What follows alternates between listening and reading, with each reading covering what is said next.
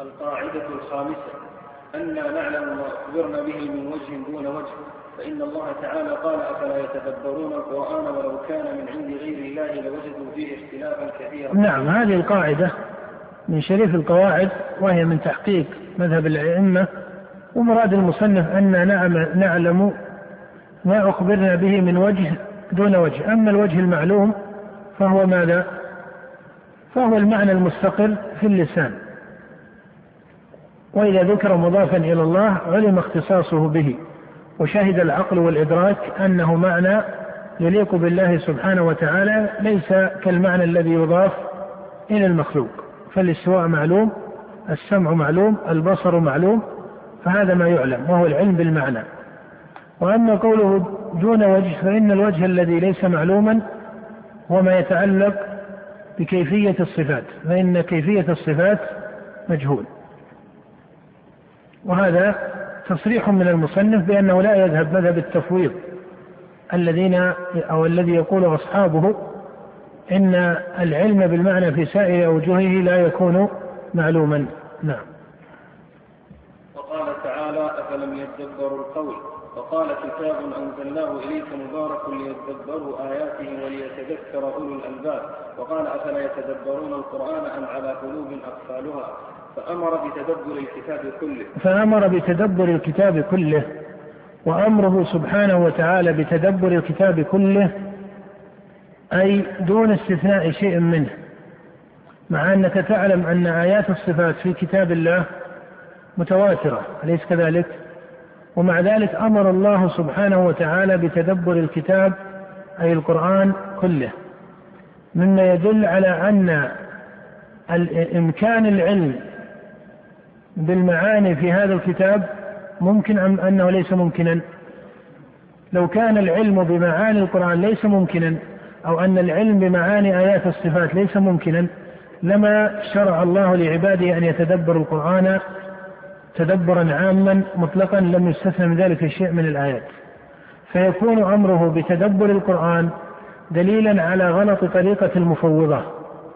دليلا على غلط طريقة المفوضة لأنه يقال للمفوضة الذين يقولون نقرأ الآية ولا يتكلم في معناها يقال فإن الله أمر بالتدبر والتدبر هذه درجة تزيد على التصديق بأن هذا قرآن. أليس كذلك؟ التدبر هي درجة تزيد على التصديق فإن بعض الناس قد يكون يصدق أن هذا القرآن كما هو يقع لعامة المسلمين. لكن التدبر مما هو وجه من الفقه. والفهم في كلام الله. وقد شرع الله لعباده أن يتدبروا القرآن. فهذا يعلم به غلط طريقة من المفوضة لأن من لازم التفويض منع التدبر. أما أنك تقول الآية لا نعين لها معنى وتقول إنه يشرع تدبرها فما معنى ذلك؟ هذا من باب التناقض. أيضا أمره سبحانه وتعالى بتدبر القرآن كله دليل على غلط طريقة أهل التأويل. ما وجه ذلك؟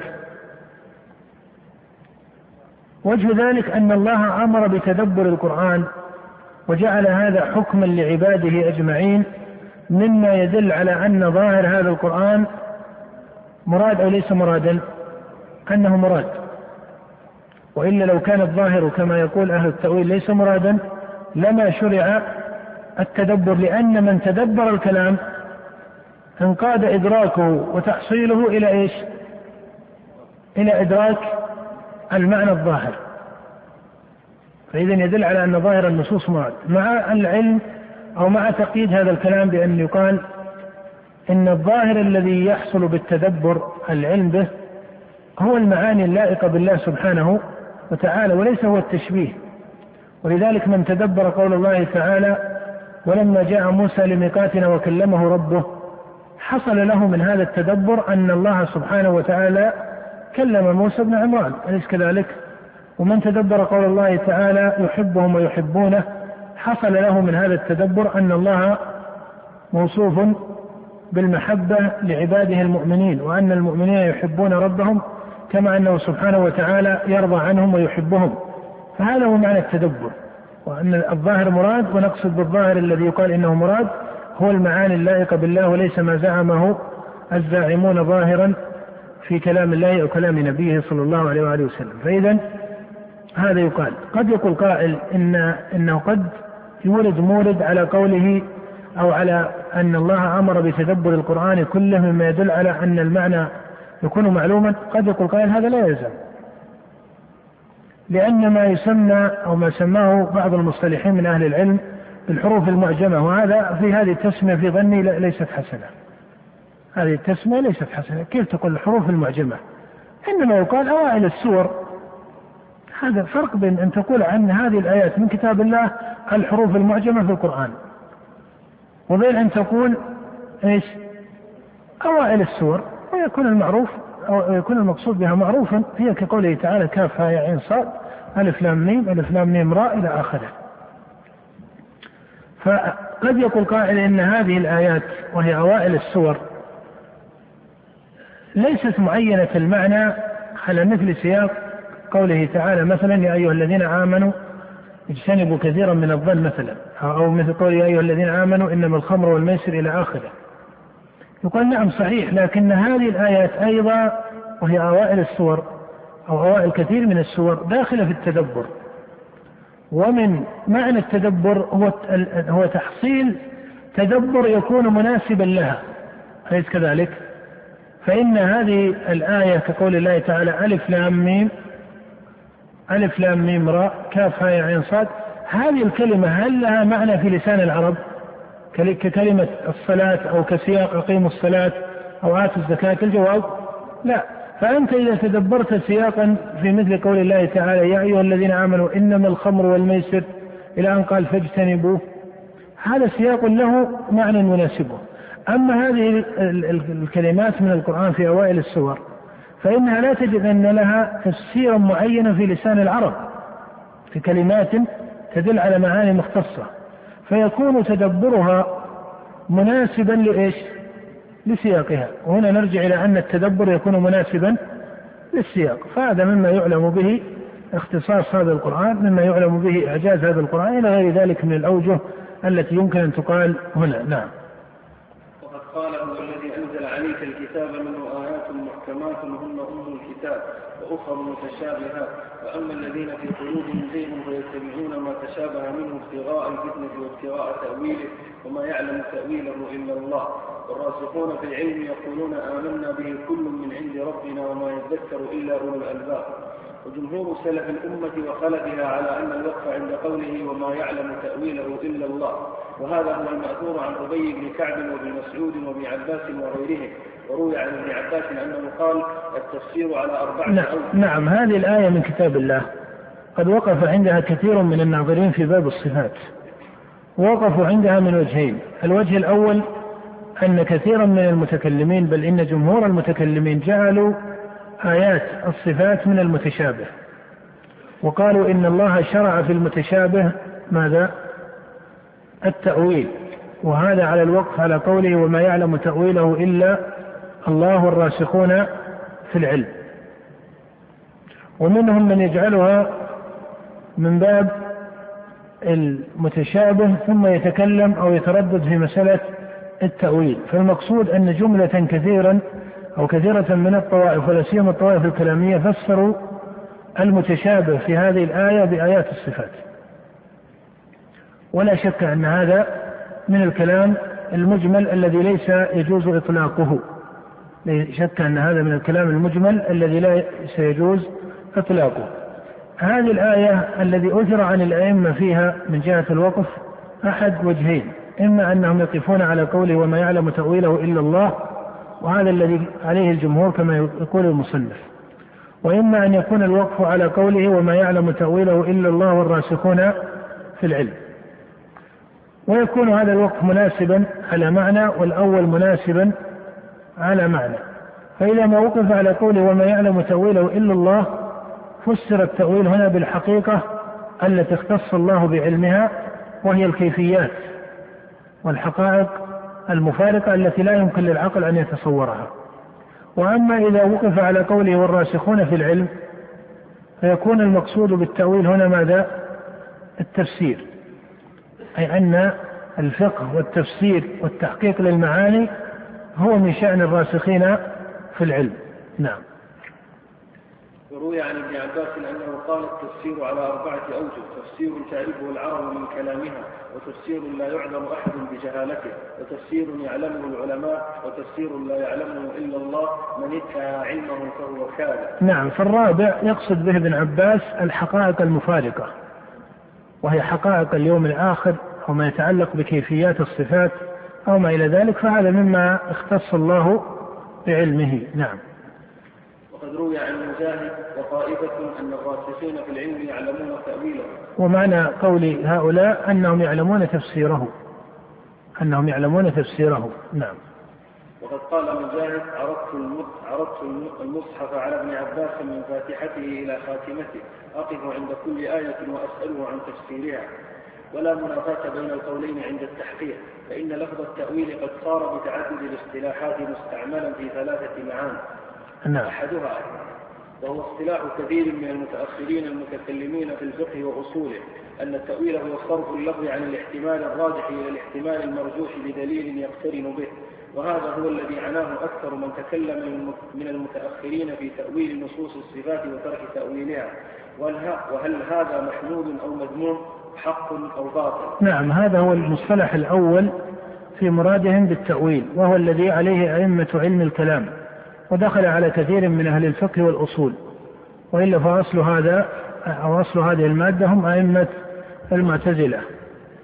أن التأويل عندهم بمعنى صرف اللفظ عن الاحتمال الراجح إلى الاحتمال المرجوح لدليل يقترن بذلك. وهو مبني على ما تقدم الإشارة إليه مبني على مسألة الحقيقة وإيش؟ والمجاز. ولهذا لك أن تقول إنهم يقولون تارة هو صرف اللفظ عن المعنى الحقيقي إلى المعنى المجازي لدليل يقترن بذلك. ولا شك أن هذا الحد فيه قدر من التناقض من جهة العقل ومن جهة اللغة ومن جهة الشرع. وهذا لا أحب أن أستفصل فيه كثيرا لأن الوقت لا يسع له. لكن أشير إلى أن فرض تعدد المعنى المتباين في سياق واحد من الكلام هذا الأصل أن الكلام المحكم البين يكون بريئا منه أو لازما له. الأصل أن الكلام المحكم البين يكون بريئا من كونه محتملا لمعنيين بينهما قدر من التباين والتنافي. الأول يسمى ظاهرا حقيقة والآخر يسمى تأويلا مجازا. هذا لا شك أن فيه قدر من التناقض العقلي والتناقض اللغوي بل والتناقض الشرعي. لماذا التناقض الشرعي؟ أن يعلم تناقضه من جهة الشرع أي أن الشرع يقضي بتناقضه وإبطاله. لأن الشرعيات سواء باب الأمر والنهي أو باب الخبر حكم الله في نفس الأمر أو مراد الله سبحانه وتعالى في نفس الأمر من الكلام ماذا؟ يكون واحدا. نعم هناك نصوص في نصوص الأمر والنهي قد تحتمل عند الناظرين فيها أكثر من معنى مع أنه يعلم أن مراد الله سبحانه وتعالى يكون واحدا من هذا الذي قد اختلف فيه اختلاف تضاد. لكن أما في باب الخبر فإنه دائر بين التصديق وإيش؟ والتكذيب. وأنت تعلم أن ثمة فرقا بين أن تقول مثلا والمطلقات يتربصن بأنفسهن ثلاثة قروء فرق بين أن تقول إنه قد يفسر بالحيض أو بإيش؟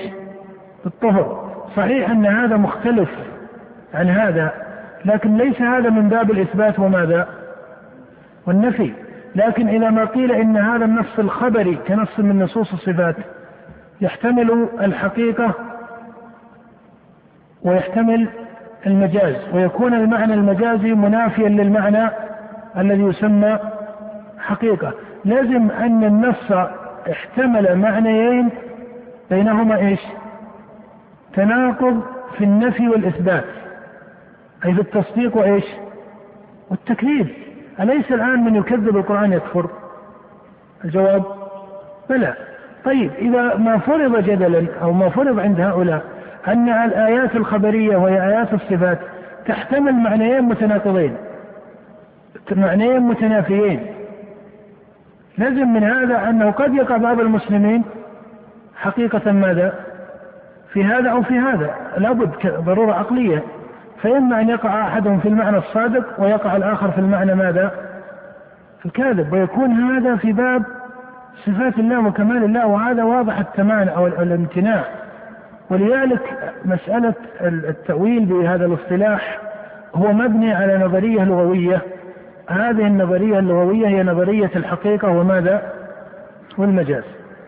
كما أسلفت أن تسمية نوع من سياق كلام العرب مجازا والآخر حقيقة إذا ما كان من باب الاصطلاح فإنه إيش؟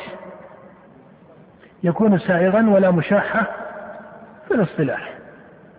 وأما إذا كان ذلك من باب عوارض المعاني فلا شك أن هذا غلط على اللغة وغلط على الشريعة.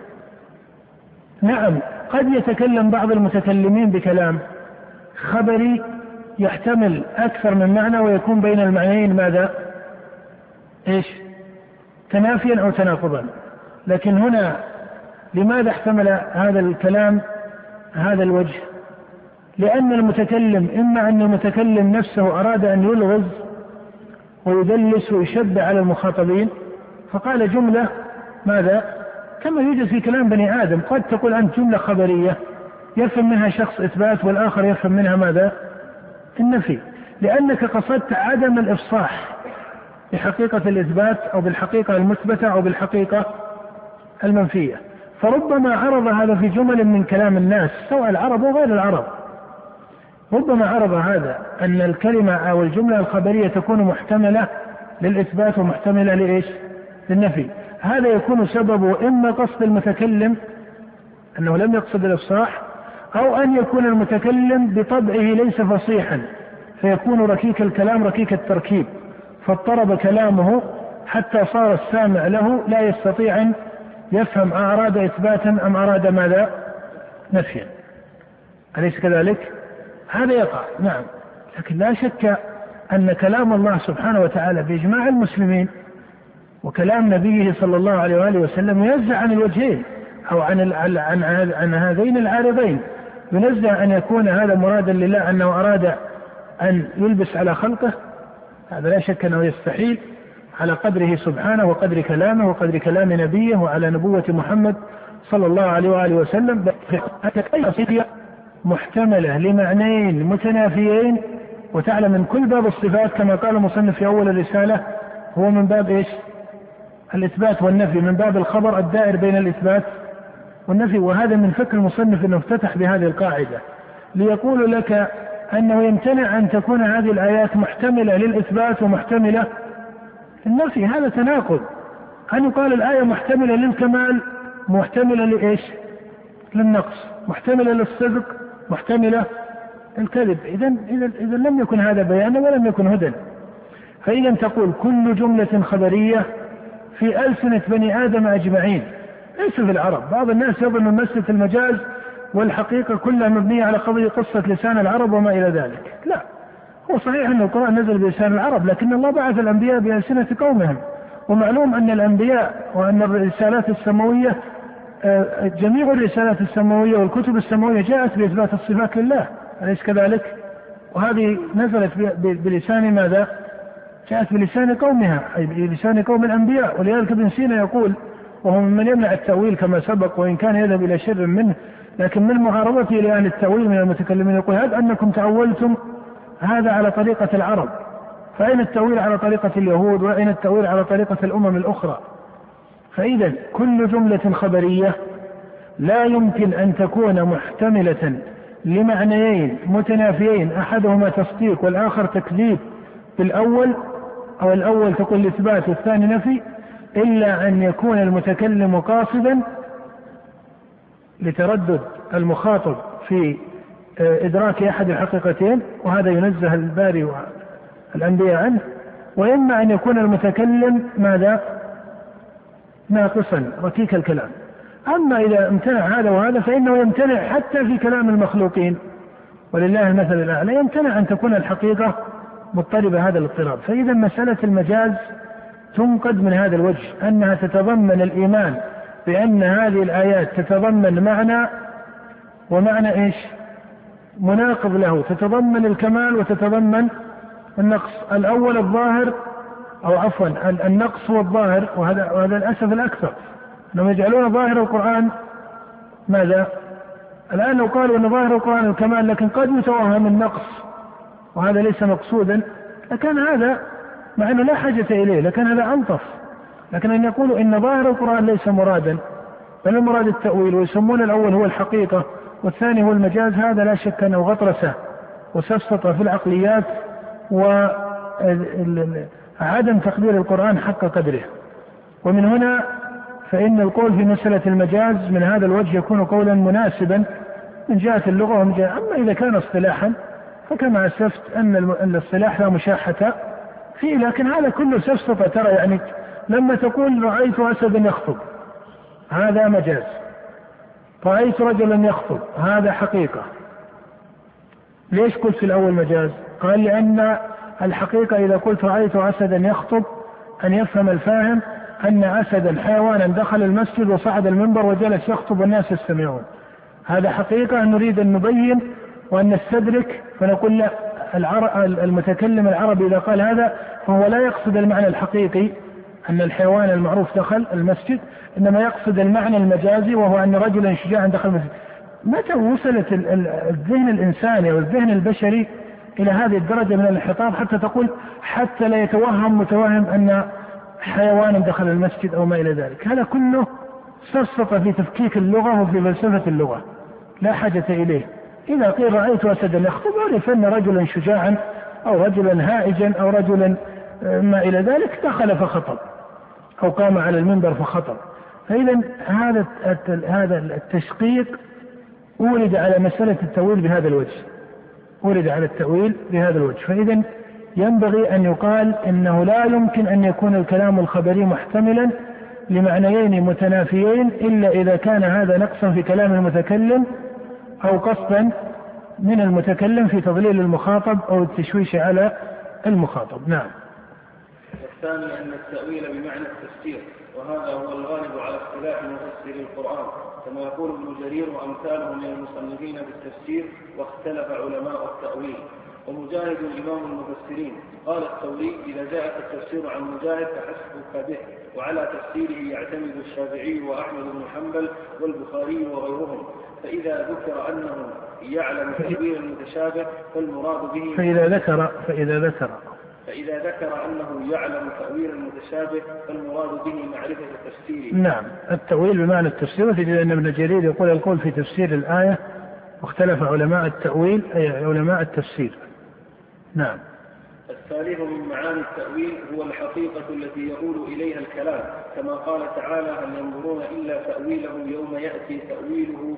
يقول الذين نسوه من قبل قد جاءت رسل ربنا بالحق فتأويل ما في القرآن من أخبار المعاد هو ما أخبر الله تعالى به فيه مما يكون من القيامة والحساب والجزاء والجنة والنار والنار ونحو ذلك. كما قال في قصة يوسف لما سجد أبواه وإخوته وقال يا أبت هذا تأويل رؤياي من قبل فجعل عين ما وجد ما وجد في الخارج هو تأويل الرؤيا. إذا الفرق بين الثاني والثالث من المعاني أن الثاني المقصود به المعنى وأما الثالث فالمقصود به الحقيقة الكيفية الحقيقة الصورية ما تسميها الكيفيات أو الحقائق المتصورة على قدر من التكييف وما إلى ذلك والماهيات المفارقة. أما الأول فالمقصود به المعاني المدركة بالعقل. نعم. التأويل الثاني هو تفسير الكلام وهو الكلام الذي يفسر به اللفظ حتى يفهم معناه أو تعرف علته أو دليله. وهذا التأويل الثالث هو عين ما هو موجود في الخارج. وعليه فالعلم بالثاني لا يستلزم العلم بإيش؟ العلم بالثاني بالتأويل على المعنى الثاني لا يتضمن العلم بالتأويل على المعنى الثالث. نعم. ومنه قول عائشة رضي الله عنها كان النبي صلى الله ومنه قول عائشة رضي الله عنها كان النبي صلى الله عليه وسلم يقول يقول في ركوعه وسجوده سبحانك اللهم ربنا وبحمدك اللهم اغفر لي. يتأول القرآن. تعني قوله تعالى فسبح بحمد ربك واستغفره. فيكون من باب التحقيق من باب التحقيق والتطبيق. نعم. وقول سفيان بن عيينة السنة هي تأويل الأمر والنهي. فإن نفس الفعل المأمور به هو تأويل الأمر به ونفس الموجود المخبر عنه هو تأويل الخبر والكلام خبر وأمر. ولهذا يقول أبو عبيد وغيره الفقهاء أعلم بالتأويل من أهل اللغة كما ذكروا ذلك في تفسير اشتمال الصماء لأن الفقهاء يعلمون. نعم لأن الفقهاء يعرفون ما يسمى بالحقيقة الشرعية وتعلم أنهم يقولون يعني علماء الأصول يقولون هذه حقيقة شرعية وحقيقة لغوية. أو العرف الشرعي والعرف اللغوي أو ما إلى ذلك. فيقول أبو عبيد وهو من متقدم أهل العلم العارفين بكلام العرب وفقه الحديث والرواية يقول إن الفقهاء أعلم بتفسير الحديث من أهل العربية أو الفقهاء أعلم بالتأويل أي التفسير. وجه ذلك أنهم أي أهل الفقه يعلمون المعنى الذي قصده الشارع بخلاف صاحب العربية الذي لم يستفصل في علم الشريعة فربما ظن أن المقصود بهذه الكلمة من كلمات صاحب النبوة هو عين المعنى اللغوي هناك مسألة آه، ذكرها النظار من المتكلمين وبعض أهل السنة كالإمام ابن تيمية وأبو محمد وأبي محمد بن حزم وهي مسألة مقام هل الشريعة جاءت بزيادة على المعاني اللغوية أم أم أم أن الأمر ليس كذلك؟ هل هذا ترادف أم أن اللغة أو أن الشارع قلب الأسماء اللغوية أم أنها ثبتت على أصولها وزيد عليها؟ هذا فيه خلاف مفصل مطول. ذكره أبو محمد بن حزم في الفصل وذكره ابن تيمية في مواضع منها في المجلد السابع لما تكلم عن مسألة الإيمان لما يقال التصديق في اللغة وفي الشرع وكذلك أم أنه في الشرع هو كل ما شرع من الأقوال والأعمال. وذكر الخلاف مع المرجع في هذا الكلام. ذكروا قاعدة ترجع إلى معاني لغوية. ترجع إلى معاني لغوية. لكن أحب هنا أن أقول أن هذا الخلاف الذي يذكره ابن تيمية أو ابن حزم في هل الشريعة زادت على اللغة أو أنها نقلت اللغة أم, أم, أم أن ثمة أوجه أخرى من الكلام هذه الأوجه من البحوث والجدل والمناظرات والخلاف آه، يقال فيها وينظر فيها وربما يرجح فيها إلى آخره. لكن تعلم أنه لا يمكن أن تكون الحقائق في أصول الدين مبنية أو ترد إلى الانتصار لقول يقبل الخلاف ويقبل الاجتهاد ويقبل المنازعة. هذه هذه هذه طريقة في تقرير المعتقد لابد أن أن يكون طالب العلم على فقه فيها. لا ينبغي أن يبني هذا الحق الذي يجعله أصلا من أصول الدين كقوله إن الإيمان في الشريعة هو كل قول وعمل شرعي. لا ينبغي أن يبني هذا على وجه من الدليل المركب على المعاني اللغوية ويكون هذا الوجه قد حصل فيه نزاع لكنه يعني هذا المتكلم به انتصر له وصححه فإنه حتى لو انتصر له وصححه فإن غيره يمكن أن فإن غيره يمكن أن ينازعه فيه أليس كذلك؟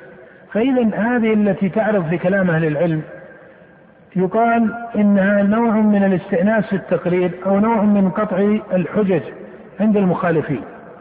هي من باب الاستئناس في التقرير أو من باب إيش؟ قطع الحجج عند المخالفين، أما أن الحقائق تبني على ذلك وعلى هذا الاختلاف وعلى أنه إذا انتصرنا لقول الله تعالى مثلا في قول الله تعالى وما أنت بمؤمن لنا كأن فقه مسألة الإيمان الشرعي عند المسلمين يدور على تفسير هذه الآية. وهذا معنى نبه إلى ابن تيمية مع أنه يشتغل بهذه المعاني. هو يشتغل بها من باب كمال الحقيقة العلمية يشتغل بها من باب الاستئناس العلمي يشتغل بها من باب قطع حجج المخالفين.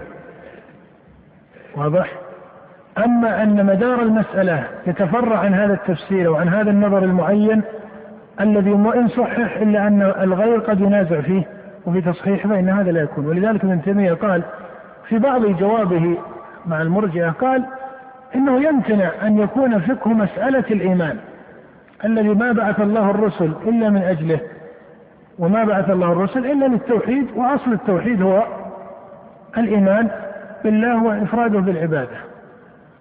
فيقول ابن تيمية أنه يمتنع أن يكون فقه هذه المسألة عند المسلمين مبنيا على آية من كتاب الله ربما أن كثيرا من المسلمين لم يسمعها ولم يقرأها أو أنه توفي قبل نزولها أو أنه مات وقد صح إيمانه وإسلامه قبل نزولها.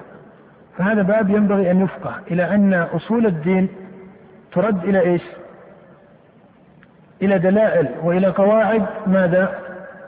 مستقرة منضبطة وهي كذلك. لا ينبغي أن ترد إلى قول يقبل النزاع ويقبل الاختلاف والمجادلة. نعم. لأن الفقهاء يعلمون نفس ما أمر به ونفس ما نهي عنه لعلمهم بمقاصد الرسول صلى الله عليه وسلم كما يعلم أتباع أبو قراط وسيبويه ونحوهما من مقاصدهم. نعم أبو قراط هذا معروف أنه من أساطين الأطباء وسيبويه وهو عالم النحو المعروف. نعم. ولكن تأويل الأمر والنهي لا بد من معرفته بخلاف تأويل الخبر. إذا عرف ذلك فتأويل ما أخبر الله به عن نفسه المقدسة الغنية بما لكن تأويل الأمر والنهي لا بد من معرفته لأنه يتحقق. ولذلك قال سفيان السنة تأويل الأمر والنهي. بخلاف الخبريات فإنه لا يمكن المعرفة بتأويلها على معنى على المعنى الثالث الذي هو الحقائق. فإذا في باب الأمر والنهي تقع الحقائق. كيف تقع الحقائق؟ بتطبيق الأمر على وجهه الشرعي فهذا يسمى تأويلا له أي تحقيقا له في الخارج وفي الوجود. أما في باب الخبريات فإن المصنف يقول بخلاف تأويل الخبر فإنه لا يمكن معرفته لأنه من الحقائق المفارقة في علم الغيب الذي اختص الله به. نعم. إذا عرف ذلك فتأويل ما أخبر الله به عن نفسه المقدسة الغنية بما لها من حقائق الأسماء والصفات هو حقيقة نفسه المقدسة المتصفة بما لها من حقائق الصفات. وتأويل ما أخبر الله به من الوعد والوعيد هو نفس ما يكون من الوعد والوعيد. هذا هو المعنى الثالث للتأويل. وأما إذا قلت التفسير فإن تأويل الصفات على معنى التفسير هو العلم بمعانيها. تفسير تفسير تأويل الوعيد على المعنى الثاني هو العلم بمعناه. أما على المعنى الثالث فهو الحقائق المفارقة وهذه اختص الله بعلمها في كيفية صفاته أو كيفية وماهية وعيده. نعم. ولهذا ما يجيء في الحديث نعمل بمحكمه ونؤمن, ونؤمن بمتشابهه لأن ما أخبر الله به عن نفسه وعن اليوم الآخر فيه ألفاظ متشابهة تشبه معانيها ما نعلمه في الدنيا كما أخبر أن في الجنة لحما ولبنا وعسلا وماء وخمرا ونحو ذلك. وهذا يشبه ما في الدنيا لفظا ومعنى ولكن ليس هو مثله وهذا يشبه ما في الدنيا لفظا وهذا بين الاشتراك اللفظي بين ما في الدنيا وما في الآخرة من هذه الأسماء. قال ومعنى ومقصوده بالمعنى هل المعنى الإضافي أو من المعنى الكلي الذهني؟ الكلي الذهني وهذا سبق في ذكر المثلين. نعم. ولكن ليس هو مثله ولا حقيقته كحقيقته. فأسماء الله تعالى وصفاته أولى وإن كان بينها وبين أسماء العباد وصفاتهم تشابه أن لا يكون لأجلها الخالق مثل المخلوق ولا حقيقته كحقيقته. وسبق الإشارة إلى هذه القاعدة كثيرا. نعم قال والإخبار والإخبار عن الغائب لا يفهم إن لم يعبر عنه بالأسماء المعلومة معانيها في الشارع نعم إذا قيل لماذا ذكر الله سبحانه وتعالى هذه الأسماء في حق خلقه وهي مذكورة في حق ذاته سبحانه وتعالى. قيل إنه لا يعلم قيل إنه لا يعلم ال ال ال الإخبار عن الغائب إلا إذا عبر بأسماء معلومة في الشاهد. فيكون الاشتراك حصل في الاسم وفي المعنى الكلي الذهني. وأما من حيث الإضافة والتخصيص فإن هذا المعنى يكون تابعا لما أضيف أو لمن أضيف له. نعم. ويعلم بها ما في الغائب بواسطة العلم بما في الشاهد مع العلم بالفارق المميز وأن ما أخبر الله به من الغيب أعظم مما يعلم بالشاهد. وأن ما أخبر الله به من الغيب أعظم مما يعلم في الشاهد لأن هذا أضيف إلى الشاهد الممكن البسيط وذاك أضيف إلى قدر من الغيب المعظم سواء في ملكوت السماوات وفي ملكوت الأرض وملكوت الله سبحانه وتعالى في مشاء من خلقه فضلا عما يكون مضافا فضلا عما يكون مضافا إلى من؟ إلى الله سبحانه وتعالى. فلما كان ما ذكر من النعيم أو من العذاب في الآخرة لا شك أن حقيقته أعظم من حقيقة النعيم أو العذاب في الدنيا. فمن باب أولى أن يكون ما ذكر من صفات الله سبحانه وتعالى ليس كصفات خلقه. نعم. وفي الغائب ما لا عين رأت ولا أذن سمعت ولا خطر على قلب بشر. وهذا يقع في الجنة كما قال النبي صلى الله عليه وآله وسلم ذلك. إذا كان في الجنة ما لا عين رأت ولا أذن سمعت ولا خطر على قلب بشر فمن باب أولى أن يكون ما اختص الله به سبحانه وتعالى من صفات الكمال لا لم تره العين ولم تسمعه كحقائق كيفية. لم تسمع هذه الكيفيات الأذن ولا يمكن أن تخطر هذه الكيفية على قلب بشر. فإذا كانت كيفيات ما في الآخرة مع العلم بمعانيها لم تسمعها الأذن ولم ترها العين ولم يخطر على قلب البشر فمن باب أولى ما يتعلق بكيفية صفات الباري سبحانه وتعالى. نعم. فنحن إذا أخبرنا الله بالغيب الذي اختص به من الجنة والنار علمنا معنى ذلك وعلمنا معنى ذلك وفهمنا ما أريد منا فهمه. وفهمنا ما أريد منا فهمه بذلك الخطاب وفسرنا ذلك. وأما نفس الحقيقة المخبر عنها مثل التي لم تكن بعد وإنما تكون يوم القيامة فذلك من التأويل الذي لا يعلمه إلا أي على المعنى الثالث. أي على المعنى الثالث. يعني كما أننا نعلم المعاني المقولة في وعيد الله ووعده ومع ذلك لا نعلم الكيفية التي تقع فإن القول في باب الصفات من باب أولى أن يقال إن معانيها معلومة وهي صفات كمال لائقة بالله وأما كيفياتها فإنها تكون مجهولة ليست معلومة. والعلم بالمعنى لا يستلزم العلم في إيش؟ في الكيفية. فإنا نعلم ما في وعد الله ووعيده من المعنى ولا نعلم الكيفية فهذا في حق المخلوقات فهذا في حق الخالق وصفاته من باب أولى. نعم. ولهذا لما سئل مالك وغيره من السلف عن قوله تعالى الرحمن على العرش استوى قالوا الاستواء معلوم والكيف مجهول والإيمان به واجب والسؤال عنه بدعة. نعم وهذا مروي عن غير واحد من السلف وهو القول الذي قاله مالك يصح في سائر مسائل الصفات. قال الاستواء معلوم أي معلوم المعنى. فإن معنى استوى في كلام العرب معلوم والاستواء معلوم في القرآن. وإذا قلت إنه معلوم في القرآن معناه أن القرآن أو الآن بعض الناس يقول معلوم في القرآن أو معلوم في كلام العرب.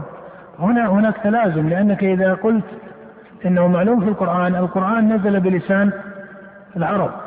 لا يمكن أن شيئا من القرآن أخبر الله به عن نفسه إلا ويكون معلوما لأن الله أمر بتدبر إيش؟ القرآن. فقوله الاستواء معلوم معلوم المعنى. وهذا المعنى يعرفه أهل اللسان. والقرآن نزل بلسانهم قال والكيف مجهول أي أن العلم به علم ممتنع لأنه لا يحاط به سبحانه وتعالى علما. والإيمان به أي بالاستواء ومعناه واجب. والسؤال عنه أي عن كيفية الاستواء بدعة. لأنه يدخل في قول الله تعالى ولا تقف ما ليس لك به علم فلا ينبغي لأحد أن يسأل عما ليس له به علم. نعم. وكذلك قال ربيعة شيخ مالك قبله الإستواء معلوم والكيف مجهول ومن الله البيان وعلى الرسول البلاغ وعلينا الإيمان. وهو بمعنى قول مالك نعم. فبين أن الإستواء معلوم وأن كيفية ذلك مجهولة. ومثل هذا يوجد كثيرا في كلام, في كلام السلف والأئمة ينفون علم العباد بكيفية صفات الله وأنه لا يعلم كيف وأنه لا يعلم كيف الله إلا الله. فلا يعلم ما هو إلا هو. وقد قال النبي صلى الله عليه وسلم لا أحصي ثناء عليك أنت كما أثنيت على نفسك. وهذا في صحيح مسلم وغيره. وقال في الحديث الآخر اللهم إني أسألك بكل اسم هو لك سميت به نفسك أو أنزلته في كتابك أو علمته أحدا من خلقك أو استأثرت به في علم الغيب عندك. وهذا الحديث في المسند وصحيح أبي حاتم. نعم وتكلم بعضهم في إسناده وبعضهم قواه وصححه وهو دليل على أن أسماء الله سبحانه وتعالى ليست مقصورة على تسع وتسعين اسما. نعم. وقد أخبر فيه أن الله وقد أخبر فيه أن لله من الأسماء ما استأثر به في علم الغيب عنده فمعاني هذه الأسماء الأسماء التي استأثر الله بها في علم الغيب عنده لا يعلمها غيره. فإذا كانت هذه الأسماء قد استأثر الله بها فمن باب أولى ما يتعلق بماذا؟ بالكيفيات في صفاته سبحانه وتعالى. نعم. والله سبحانه وتعالى أخبرنا أنه عليم قدير سميع بصير غفور رحيم إلى غير ذلك من أسمائه وصفاته. فنحن نفهم معنى ذلك ونميز بين العلم والقدرة وبين الرحمة والسمع والبصر. ونعلم أن الأسماء كلها اتفقت في دلالتها على ذات الله مع تنوع معانيها. فهي متفقة متواطئة من حيث الذات متباينة من جهة الصفات. نعم متواطئة من حيث الذات أي أنها تدل على ذات وعلى مسمى واحد. وأما أنها متباينة من جهة الصفات أي أن هذا المعنى يختلف عن المعنى الآخر. وهذا يقال لطريقة ولاة المتكلمين أنهم جعلوا الصفة هي عين الصفة الأخرى. نعم. وكذلك أسماء النبي صلى الله عليه وسلم مثل محمد وأحمد والماحي والحاشر والعاقب وكذلك الماحي الذي يمحو الله به الكفر الحاشر قيل الذي يحشر الناس على قدميه يكون تبعا له العاقب الذي ليس بعده نبي. نعم. وكذلك أسماء القرآن مثل القرآن والفرقان والهدى والنور والتنزيل والشفاء وغير ذلك.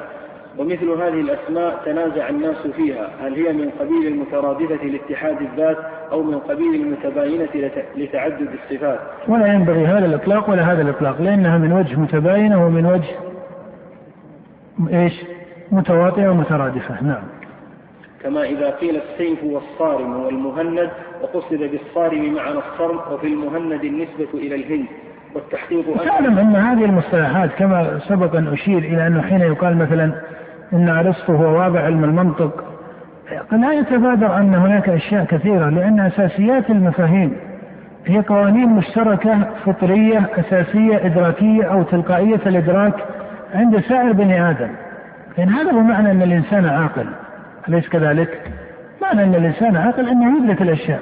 فكذلك الآن إذا قيل إن من أسماء النبي محمد وأحمد والحاشر والعاقب لست بحاجة إلى أن تدخل نظام الاصطلاح. على هذا الكلام كثيرا؟ هل هذا متواطئ؟ هل هذا مترادف؟ لأن سائر من يسمع هذا عن مسمى كالنبي عليه الصلاة والسلام وعن غيره. كما لو قيل عن رجل من الرجال بأنه يسمى كذا ويسمى كذا ويسمى كذا لم يفهم أحد من الناس أن هذا الرجل سيكون خمسة رجال. أليس كذلك؟ كما أنه لا أحد من الناس يفهم أن هذه الصفة بمعنى الصفة الأخرى إلا إذا كان ليس عليما باللسان الذي سمع الخطاب به. فإذا هذه حقائق في أصلها حقائق مدركة. حينما يقال إن من أسماء الله العزيز والحكيم والسميع والبصير فإن سائر العقلاء يدركون أن المسمى واحد وأن هذه الصفات صفات متنوعة مختلفة. نعم. والتحقيق أنها مترادفة في الذات متباينة في الصفات. ومما يوضح هذا أن الله وصف القرآن كله بأنه محكم وبأنه متشابه. هذا دخول المصنف هنا عرض على مسألة أخرى كتفريع عن مسألة التباين والترادف وما إلى ذلك وأن أنه قد يكون باب خلاف التنوع وما إلى ذلك. أراد أن يدخل إلى موضوع آخر. ما أدري يكون الوقت كافيا له وليس كافيا له وأنه جاء في ذكر كتاب الله أن القرآن محكم. وجاء أن القرآن متشابه وجاء أن منه آيات محكمات هن أم الكتاب وأخر متشابهات. فوصف القرآن تارة بالإحكام العام وتارة بالتشابه العام وتارة بأن منه ما هو محكم ومنه ما هو متشابه. فالمصنف هنا يقول إن هذا الإحكام العام لا ينافي الإحكام الخاص كما أن الإحكام العام لا ينافي التشابه لا الخاص ولا العام ويجعل لهذا معنى مناسبا ولهذا معنى مناسبا كما سيأتي في عرض كلامه. وفي موضع آخر جعل منه ما هو محكم ومنه ما هو متشابه. فينبغي أن يعرف الإحكام والتشابه الذي يعمه والإحكام والتشابه الذي يخص بعضه. قال تعالى ألف لام را كتاب أحكمت آياته ثم فصلت فأخبر أنه أحكم آياته كلها. وقال تعالى الله نزل أحسن الحديث كتابا متشابها مثانيا. فأخبر أنه كله متشابه. والحكم هو الفصل بين الشيئين والحاكم يفصل بين الخصمين والحكمة فصل بين المشتبهات علما وعملا. إذا ميز بين الحق والباطل والصدق والكذب والنافع والضار وذلك يتضمن فعل النافع وترك الضار. فيقال حكمت السفيه وأحكمته إذا أخذت على يده وحكمت الدابة وأحكمتها إذا جعلت لها حكمة وهو ما أحاط بالحنك من اللجام وإحكام الشيء إتقانه فإحكام الكلام إتقانه بتمييز الصدق من الكذب في أخباره وتمييز الرشد, وتمييز الرشد من الغي في أوامره. والقرآن كله محكم بمعنى الإتقان. نعم بمعنى الإتقان. الإحكام العام بمعنى الإتقان. أي أن ما فيه من الخبر فهو صادق وما فيه من الشرع والأمر فهو رشد وعدل ونفع للناس وما إلى ذلك. هذا هو معنى الإحكام العام إذا قيل إن القرآن محكم أي محكم من جهة صدق خبره ومن جهة صدق أمره ورشده. نعم. والقرآن كله, كله محكم بمعنى الإتقان فقد سماه الله حكيما بقوله ألف لام را تلك آيات الكتاب الحكيم فالحكيم بمعنى الحاكم كما جعله يقص بقوله إن هذا القرآن يقص على بني إسرائيل أكثر الذي هم فيه يختلفون وجعله مفتيا في قوله قل الله يفتيكم فيهن وما يتلى عليكم في الكتاب أي ما يتلى عليكم يفتيكم فيهن. وجعله هاديا ومبشرا في قوله إن هذا القرآن يهدي للتي هي أقوم ويبشر المؤمنين الذين يعملون الصالحات. وهذا كله بمعنى الإحكام العام الذي هو الإتقان والضبط والصحة والصدق وما إلى ذلك من الكلمات. وأما التشابه وأما التشابه الذي يعمه فهو ضد الاختلاف المنفي عنه. نعم هذا بين. إذا قيل ما التشابه العام؟ قيل التشابه العام هو ضد الاختلاف المنفي. نعم. هو المذكور في قوله هو المذكور في قوله إنكم لفي قول مختلف يؤفك عنه من أفك. أي أنه متشابه أي أنه لا اختلاف فيه. والله يقول أفلا يتدبرون القرآن ولو كان من عند غير الله لوجدوا فيه اختلافا كثيرا أي تعارضا وتضادا وما إلى ذلك. فإذا قيل إن القرآن متشابه صار بمعنى أنه ليس مختلفا. ولك أن تقول إنه إذا قيل إن القرآن متشابه صار بمعنى قولك إن القرآن ماذا؟ إن القرآن محكم. تجد أن التشابه العام بمعنى إيش؟ بمعنى الإحكام العام. التشابه العام بمعنى أنه ليس مختلفا. وهو الذي نفي في قوله ولو كان من عند غير الله لوجدوا فيه اختلافا كثيرا أي تضادا أو عدم صدق أو تناقض في الأمر أو عدم رشد في الأمر أو ما إلى ذلك. فالتشابه العام ينافي الاختلاف الذي نفي عنه فعليه يكون التشابه العام بمعنى الإحكام العام. نعم. التشابه هو فالتشابه هنا هو تماثل الكلام وتناسبه بحيث يصدق بعضه بعضا. فإذا أمر بأمر لم يأمر بنقيضه في موضع آخر بل يأمر به أو بنظيره أو بملزوماته. وإذا نهى عن شيء لم يأمر به في موضع آخر بل ينهى عنه أو عن نظيره أو عن لوازمه. إذا لم يكن هناك نفس وكذلك إذا أخبر بثبوت شيء لم يخبر بنقيض ذلك بل يخبر بثبوته أو بثبوت ملزوماته. نعم فإن قيل إذا قيل إن معنى التشابه العام هو بمعنى الإحكام العام فلماذا وصف القرآن بهذا وهذا؟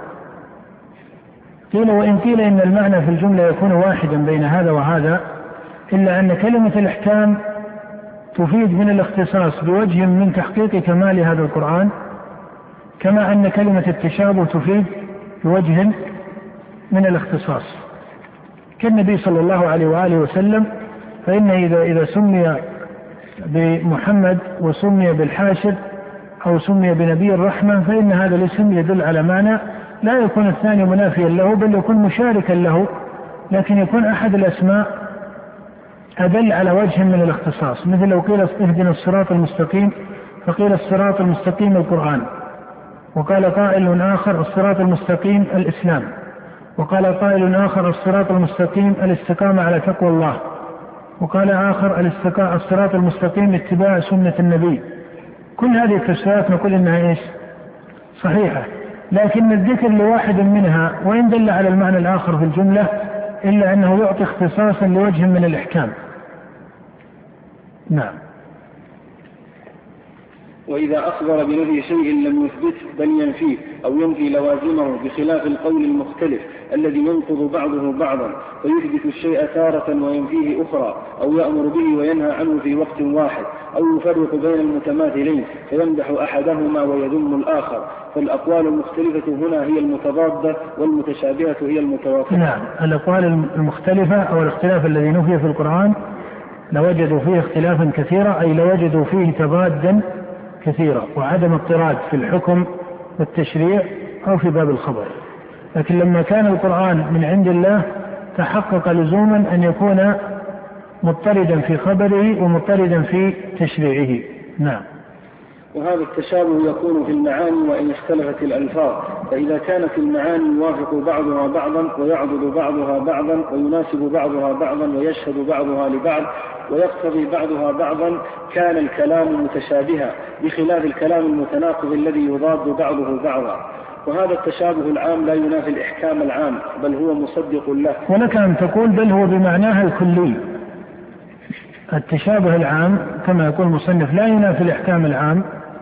بل هو مصدق له ولك أن تقول بل هو بمعناه إيش؟ بل هو بمعناه ماذا؟ الكلي. وإن كان لفظ التشابه أو حرف التشابه يختص بوجه من التحقيق كما أن حرف الإحكام يختص بوجه من إيش؟ من التحقيق. والقرآن وصف بهذا وهذا ولهذا استعمل هذا وهذا في كلام الله سبحانه وتعالى. نعم. قال المصنف رحمه الله وهذا التشابه العام لا ينافي الإحكام العام هو مصدق له فإن الكلام المحكم المدخل يصدق بعضه بعضا لا ينافي بعضه بعضا. بخلاف الإحكام الخاص فإنه ضد التشابه الخاص والتشابه الخاص هو مشابهه الشيء لغيره من وجه مع مخالفته له من وجه آخر بحيث يشتبه على بعض الناس أنه هو أو هو مثله وليس كذلك. والإحكام هو الفصل بينهما بحيث لا يشتبه أحدهما بالآخر وهذا التشابه إنما يكون بقدر مشترك بين الشيئين مع مرور الفاصل بينهما. ثم من الناس من لا يهتدي بالفصل بينهما. يكون مشتبها عليه ومنهم من يهتدي إلى ذلك. فالتشابه الذي لا تمييز معه قد يكون من الأمور النسبيه الاضافيه بحيث يشتبه على بعض الناس دون بعض.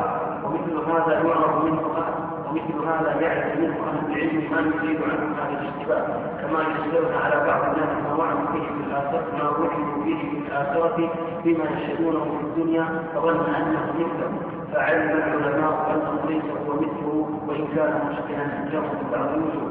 يعني هذا الكلام من المصنف يقتضي أنه قد يتوارد هذا مما يعرض الأذهان وبعض الأذهان يعرض لها بعض المقامات التي لا تكون صحيحة من جهة العقل أو من جهة الشرع وذلك أن الإحكام صفة مدح أليس كذلك؟ والتشابه الذي ذكر في القرآن أيضا هو ليس منافيا لكمال القرآن وهذا تجد أنه من الضرورات العقلية الشرعية فإنه إذا وصف به كتاب الله أو بعض آياته فيمتنع أن يكون سواء كان تشابها عاما أو تشابها خاصا امتنع أن يكون ماذا؟ مادة من النقص لأن القرآن منزه عن هذا. فلما وصف القرآن بأن منه آيات محكمات ومنه ما هو متشابه علم أن هذا وهذا من الكمال. وعليه في مسألة التشابه الخاص كما أشار المصنف. وهذه قاعدة عقلية في كل الأشياء المختصة خلاف الأشياء العامة المضطردة. أن كل ما كان خاصا فإنه يكون نسبيا وهذا من معنى خصوصه. فهو من الأمور النسبية.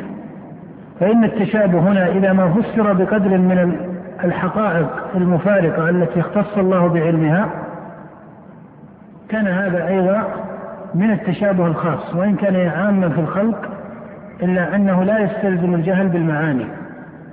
ولهذا تقول إن هذه التي تشابهت حقائقها بمعنى أن الله اختص بعلمها فإن معانيها تكون معلومة. وقد يكون التشابه راجعا إلى حال الناظرين في آيات القرآن. ولا يلزم أن تكون الآية في نفس الأمر كذلك. ومن هنا قال من قال كالمصنف إن من وقف من السلف على قوله وما يعلم تأويله إلا الله كان وقفه صحيحا ومن وقف منهم على قوله والراسخون في العلم كان وقفه صحيحا. ولكن هذا يفسر بمقام وهذا يفسر بمقام. فإذا التشابه الخاص هو قدر من الأمر النسبي وهذا من معنى خصوصه. وهو قد يعرض لبعض الناظرين في آيات القرآن وقد يكون هذا التشابه يفسر بوجه من الحقائق الغيبية المفارقة. وعليه إذا قيل هل يوجد في القرآن آية متشابهة على هذا المعنى الخاص من التشابه؟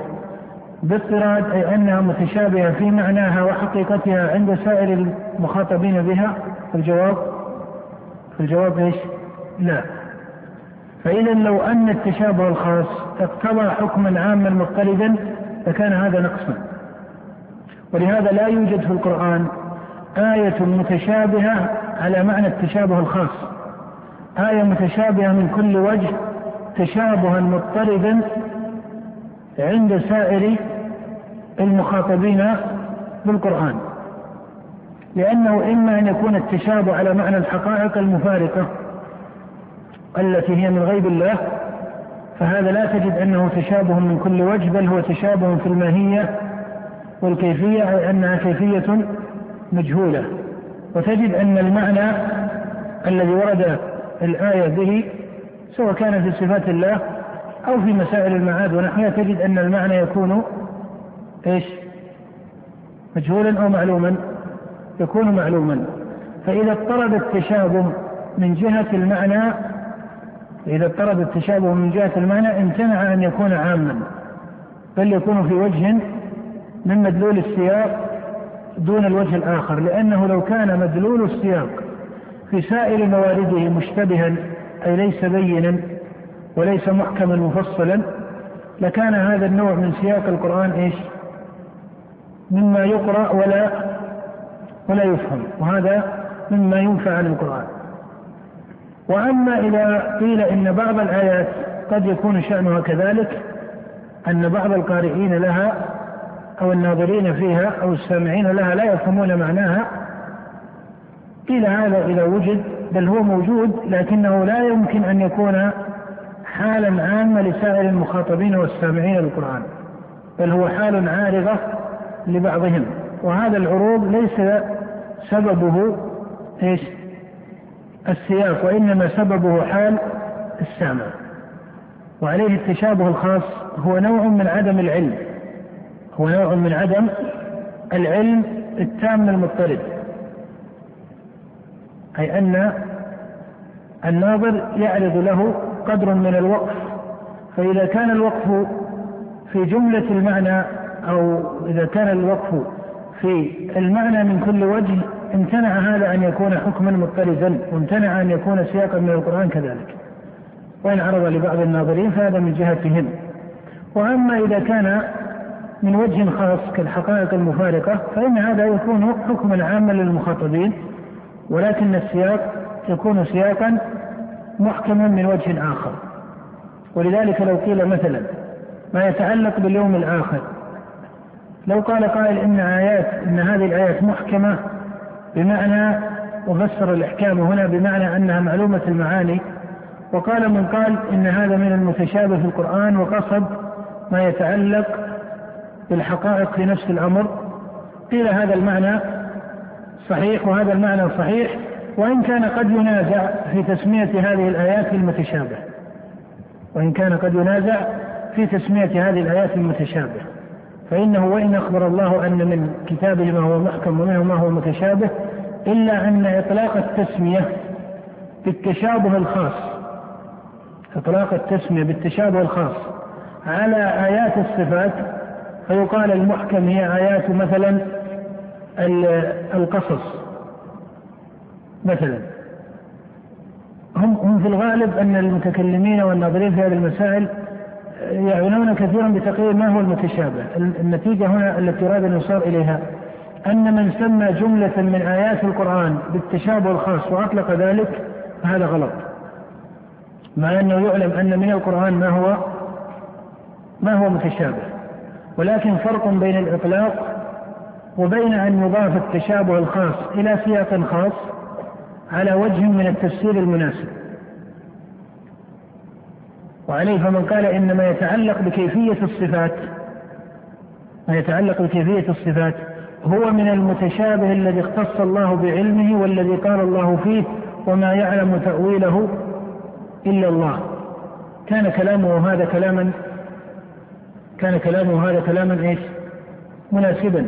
بخلاف من قال إن آيات الصفات هي المتشابهات وأن غيرها هي المحكمات فإن هذا الإطلاق ليس إطلاقا مناسبا ولا إطلاقا سائغا وإن أطلقه جمهور المتكلمين وكثير من الفقهاء وأهل التفسير ونسبوه إلى طائفة من المتقدمين فإن هذا الإطلاق ليس حكيما ولا مناسبا.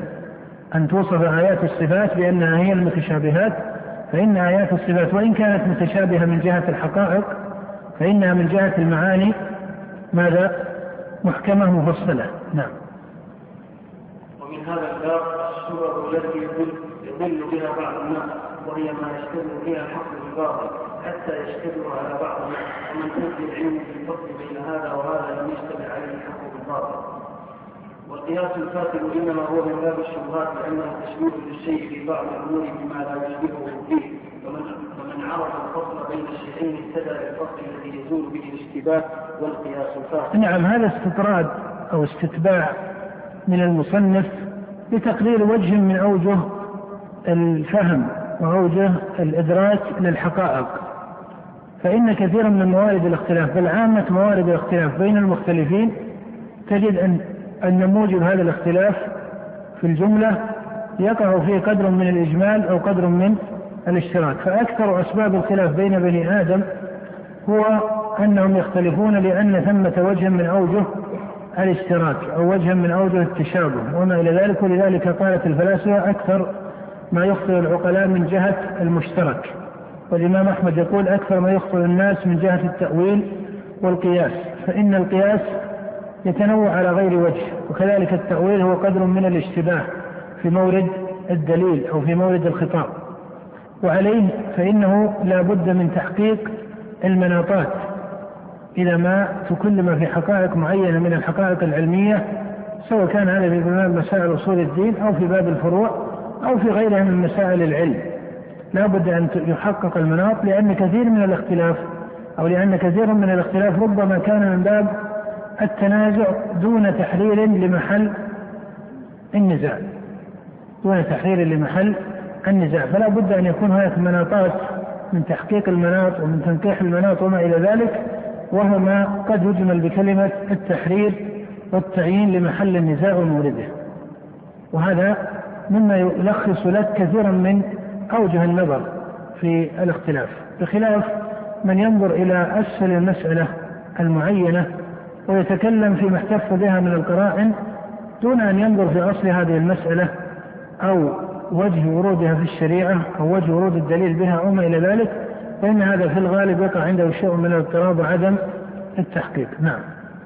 وما من شيئين إلا ويجتمعان في شيء ويفترقان في شيء بينهما اشتباه من وجه واختلاف من وجه ولهذا كان ضلال بني آدم من قبل التشابه والقياس الفاسد لا ينضبط كما قال الإمام أحمد رحمه الله أكثر ما يخطئ الناس من جهة التأويل والقياس. والتأويل بالأدلة السمعية والقياس بالأدلة العقلية وهو كما قال والتأويل الخطأ إنما يكون بالالفاظ المتشابهة والقياس الخطأ إنما يكون بالمعاني المتشابهة. في الألفاظ المتشابهة إما عند متكلم بها وتجد أن التشابه لم يدخل عليه من جهة النصوص وإنما لأنه لأنه آه، بنى آه، أو أو أو صدق بأصل استوجب هذا التصديق عنده أن يجعل هذه النصوص من المتشابه. فإذا قيل مثلا لما حكم أئمة المعتزلة مثلا أو بعض متكلمة الصفاتية بأن آيات الصفات هي المتشابه في القرآن. قيل هذا لم يحكموا به ابتداء وإنما لما استعملوا الدليل العقلي الدليل الكلامي الذي قالوا إنه معارض للنقل فلما صدقوا بهذه المقدمة الكلامية لزم من ذلك أن يجعلوا آيات الصفات من المتشابه وأن يطلقوا هذا القول نعم. وقد وقع في آدم في عامه ما يتناوله هذا الكلام من أنواع الضلالات حتى آل الأمر بمن يدعي التحقيق والتوحيد والعرفان منهم إلى أن اشتبه عليهم وجود الرب بوجود كل موجود وظنوا أنه هو فجعلوا وجود وجود المخلوقات مع أنه لا شيء شيء أو أن يكون أو متخذ به حالا به من الخالق عن المخلوق. نعم فإن الحقائق تعرف بدليلها وليس ب أي ثبوت الحقائق يعرف بصدق دليلها وليس بدفع, بدفع الشبهة المعينة عنها وهذه قاعدة في التحصيل وهي التي جاء ذكرها في القرآن وفي هدي الصحابة رضي الله تعالى عنهم أن الحقائق تصدق باعتبار دليل الحق الموجب لتصديقها وليس بالضرورة أن التصديق بالحقائق يكون طريقه مستلزما دفع التسلسل من الشبهات ولذلك لك أن تقول إن أهل العلم والبصراء يعرفون الحق بدليله ويدفعون إيش؟ الشبهة التي تعرض له. لكن أرأيت العامة من المسلمين؟ فإنه قد استقر عندهم كثير من الحق. قد استقر عندهم كثير من الحق. أو تقول استقر عندهم الحق في الجملة مع أن هؤلاء العامة قد لا تقوى عقولهم ونفوسهم على الجواب عن كل ما يعارض به المعارض من الشبهات. فلو أورد عليهم إيراد مثلا في بعض المسائل فإن عدم العلم بالجواب ليس علما بما عدم العلم بالجواب عن هذه الشبهة المعينة لا يحصل علما أن هذا الحق الذي كان عليه تبين أنه ليس كذلك. بل يقال إن الأصل أن الحق يعرف بدليله وهذا هو الذي يناسب العامة ويناسب الخاصة وإن كان الخاصة أي أهل العلم لا بد لهم من مع هذا من دفع الشبهات. ولذلك تجد أن الله سبحانه وتعالى لما ذكر مسألة الدعوة ما يسعى على في نفر من أهل الإيمان فلولا نفر من كل فرقة منهم طائفة ليتفقهوا في الدين ولينذروا قومهم. وما يتعلق بمسألة التصحيح هذا لا تستطيعه العامة. وعليه فالعامة يعرفون الحق بدليله وليس يعرفون الحق بفساد الشبه العارضة عليه. إلا إذا كانت شبهة شاعت بين العامة فهنا يكون من الحكمة الشرعية إيش؟ أن يحدث العامة بما أن يحدث العامة بدفعها. أن يحدث العامة بدفعها. كما لما قال من قال من الكفار في مثل قول الله تعالى وضرب لنا مثلا ونسي خلقه جاء جوابه في القرآن. فإذا إذا قيل هل العامة يحدثون بالشبهات التي يقولها من يخالف الحقائق كما يستشكل بعض غير المسلمين على الإسلام بشبه فهل العامة ينبغي أن يحدثوا بهذه الشبهة ثم يجاب عنها الجواب المنهج الشرعي أن العامة لا يحدثون بالشبهة ثم يقصد إلى الجواب عنها إلا إذا علم أن هذه الشبهة ماذا؟ قد شاعت بينهم. وهذا يختلف باختلاف البيئات. واختلاف الأزمنة واختلاف الأمكنة وإلا الأصل أن العامة يحدثون بالدلائل أو بدلائل الحق الشرعية والعقلية القاوية بصدق الحق. وأما أنه يتسلسل معهم في مسائل الشبه ودفعها فهذا ليس من الحكمة. وعقولهم لا تقوى على الاستتباع. وربما كان المقرر لمسألة الشبهة ودفعها ضعيفا في دفعها قويا في في إيش؟ في تقريرها وهلم جرا هذا مما ينبغي أن يلاحظ في مسائل تعليم العقيدة. وسبق ان أشير في اول المجالس إلى أن ثمة فرقا بين تقرير العقيدة وبين الرد على المخالفين. ولا ينبغي أن نخلط هذا المقام بهذا المقام. مقام تقرير العقيدة له وجه وهو تعليم الحق بدليله ودفع الشبه الشائعة. دفع الشبه الشائعة. أما الاستفصال في مقام الرد فإن هذا يكون وجها آخر من وجه من أوجه التعليم وهو ليس من شأن العامة. نعم. فمن اشتبه عليه وجود الخالق بوجود المخلوقات حتى ظن وجودها وجوده فهو اعظم الناس ضلالا من جهة الاشتباه. وذلك أن الموجودات تشترك في مسمى الوجود سواء الموجود واحدا ولم يفرقوا بين الواحد بالعين والواحد بالنوع. وآخرون توهموا انه إذا قيل الموجودات تشترك في مسمى الوجود لزم التشبيه والتركيب.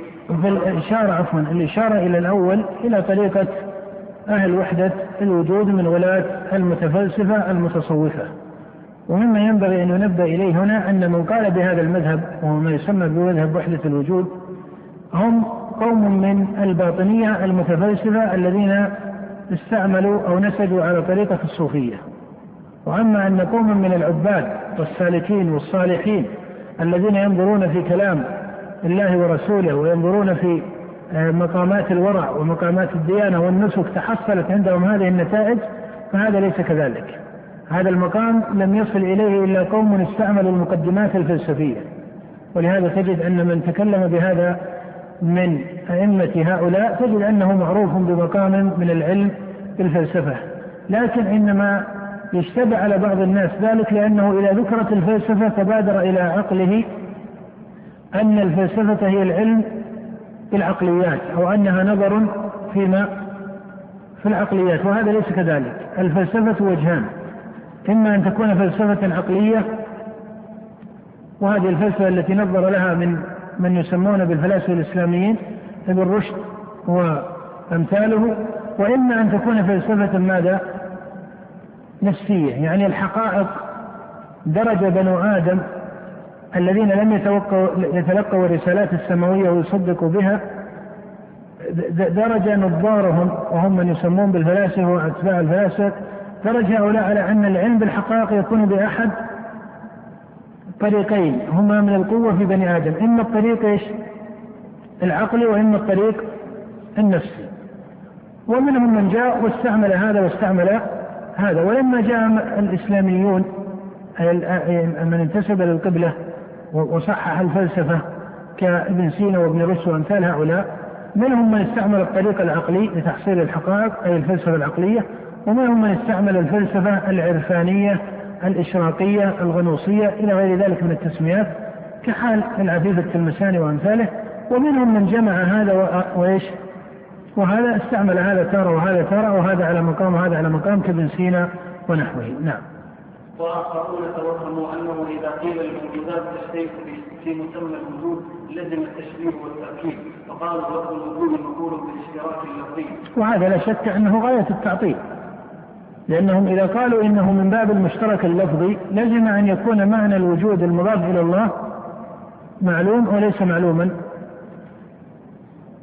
لازم أن يكون ليس ليس معلوما وهذا من تعطيل وجوده سبحانه وتعالى. هذا اللازم هم لا يرى يلتزم بهذا اللازم لكنهم هم يريدون أن يفروا من الإشكال دون أن يتبينوا أن ما فروا إليه دون أن يتبينوا أن ما فروا إليه شر مما فروا منه وإلا لا شك أن القول بالمشترك اللفظي شؤمه وإشكاله أكثر من القول بالتواطؤ مع أن القول بالتواطؤ إذا ما حقق لم يلزم منه إشكالا. وما معنى قولنا إذا حقق؟ أي إذا فرق بين الاسم والمسمى وفرق بين المسمى الذهني والمسمى العيني. إذا ما فرق بين الاسم والمسمى من جهة وفرق بين المسمى الذهني العام والمسمى العيني الخاص. فإذا ما حقق التواطؤ لم يوجب إشكالا. نعم. وخالفوا ما اتفق عليه العقلاء مع اختلاف أسمائهم من أن الوجود ينقسم إلى قديم ومحدث ونحو ذلك من أقسام الموجودات. وطائفة ثبت أنه إذا كانت الموجودات تشترك في مسمى الوجود لزم أن يكون في الخارج عن الأذهان وجود مشترك فيه. وزعموا أن في الخارج عن الأذهان كليات مطلقة مثل وجود مطلق وحيوان مطلق وجسم مطلق ونحو ذلك. فخالف العزة والعقل والشرع وجعلوا من الأذهان ذاتها في الأعيان وهذا كله من أنواع وهذا عرض لقوم من المتفلسفة أو الفلاسفة الأولى كالمثل الأفلاطونية التي كان أفلاطون صاحب الأكاديمية يستعملها. وكذلك جاء ما هو أكثر تقييدا من هذا المذهب الذي عليه أفلاطون عند أرسطو طاليس فإن ثمة فرقا بين مذهب هذا وبين مذهب هذا كما هو معروف في كلامهم. فالمقصود أن المصنف يقول أن مسألة الوجود مع أنها من أوائل المسائل العقلية ومن بسائط العقول لما بالغ هؤلاء في مسائل اصطلاحها وتقسيمها وفلسفتها وتشقيقها خرجوا بها عن ما يعلم بضرورة العقل فضلا عن ضرورة الشرع. حتى زعم من زعم منهم أن الوجود واحدا وحتى زعم من زعم منهم أن ثمة حقائق مفارقة كلية مع أنه لا يوجد في الخارج إلا المعينات. قالوا فلما كأفلاطون وأمثاله قالوا لما كان هناك الوجود الكلي الذهني لزم أن هذا الوجود الكلي الذهني يكون موجودا في الخارج. فقال أفلاطون بالمثل المفارقة الكلية. المثل الأفلاطوني أي هي الحقائق الكلية الذهنية ويقول إنها موجودة في الخارج وأن وجودها آه، غير وجود المعينات. وربما سلسل بعضهم هذه الفلسفة وأن وجود المعينات يرجع إلى وجود هذه الكليات إلى غير ذلك. فهذا كله من باب الاشتباه وهذا يبين لك معنى من الفقه في الحقائق سواء حقائق شرعية أو غير شرعية. هو أن التشقيق الزائد للأشياء ليس هديا. ليس هديا من جهة العقل ولا هديا من جهة الشرائع. يعني الأشياء البسيطة بسائط الأشياء لا ينبغي أن يبالغ فيما في تشقيقها وتقديرها. ولهذا وهذا له يعني هذا هذه الإشارة لها تفصيل يسع. مثل ما قيل في مسألة التفسير. يعني لما يقال مثلا تفسير القرآن. لا يفهم من هذا أن كل آية من القرآن لابد أن يستعمل لإبانة معناها حرفا إيش؟ آخر. بل بل تقول إن كثيرا مما في القرآن وتقول إن أكثر ما في القرآن بالنسبة لأهل العلم وأهل المعرفة بالشريعة وما إلى ذلك تجد أن أن الكلمات نفسها الكلمات القرآنية أو حتى الكلمات النبوية هي بذاتها كلمات ماذا؟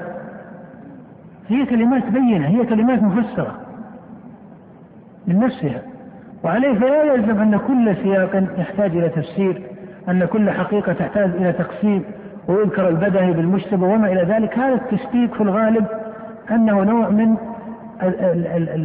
يعني تميل له كثير من النفوس ولا سيما النفوس التي آه، تكون متربصة بمسائل العلم صح التعبير.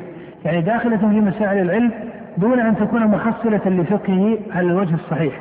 فتجد أنهم يعنون بهذه التقسيمات وهذه التشقيقات وهذه الاصطلاحات وهذه التفريقات بما في الغالب لا يحصل فقها كثيرا.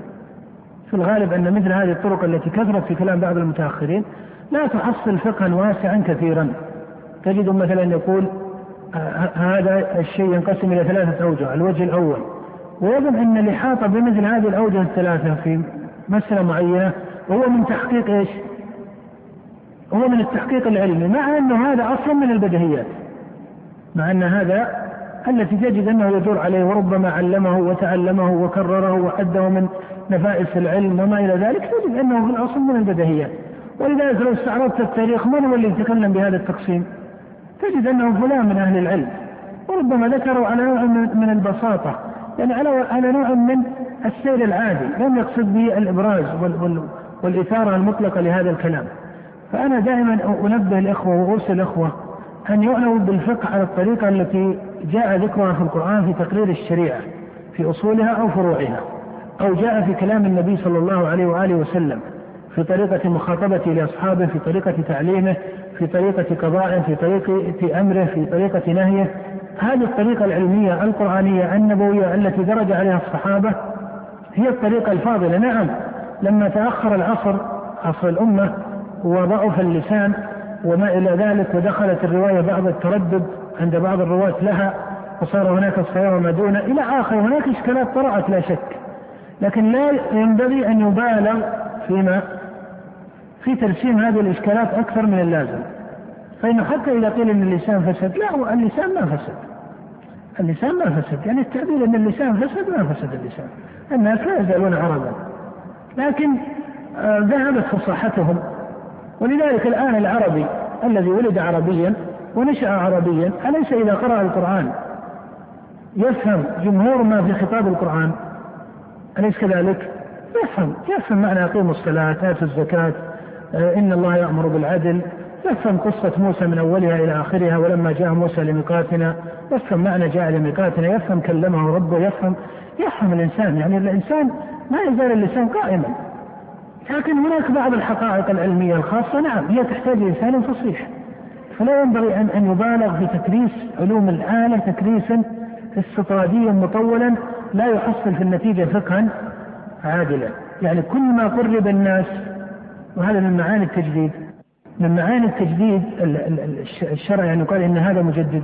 كل من استطاع أن يختصر المسافة بين فهم المخاطبين وبين النص بطريقة علمية عادلة وصادقة فهذا هذا نوع من التجديد. كل من يستطيع أن يختصر المسافة بين فهم المخاطبين وبين النص بحيث يكون فهمهم للنص أكثر مباشرة وأكثر بيانا وأكثر وضوحا فهذا نوع من الفقه ونوع من التجديد بخلاف من يضع سلسلة متسلسلة معقدة للوصول إلى الحقيقة التي نطق بها النص. مع أنك إذا قرأت وجدت إن الإشكال والتعقيد ليس في النص. يعني أو أو الإشكال في الفهم ليس في النص نفسه. إنما الإشكال فيما في إدراك هذه السلسلة المطولة. ولعل مثال ذلك حال المتكلمين. تجدهم إذا أرادوا أن يقرروا مثلا مسألة دليل الربوبية أن الله هو الرب وحده. قالوا وهو المذكور في قول الله تعالى ما اتخذ الله من ولد وما كان معه من إله إذا لذهب كل إله بما خلق إلى آخر الآية. ثم تجدهم يقولون هذا دليل التمانع ومعناه وهو مبني على مقدمتين. المقدمة الأولى ثم يأتون لك بسلسلة عقلية في تقرير دليل التمانع وفي الأخير يقولون دليل التمانع هو المذكور في قول الله تعالى ما اتخذ الله من ولد. تجد أن فهم العامة لدليل التمانع على الصورة الكلامية تجد أن فهمه يكون فهما إيش؟ صعبا.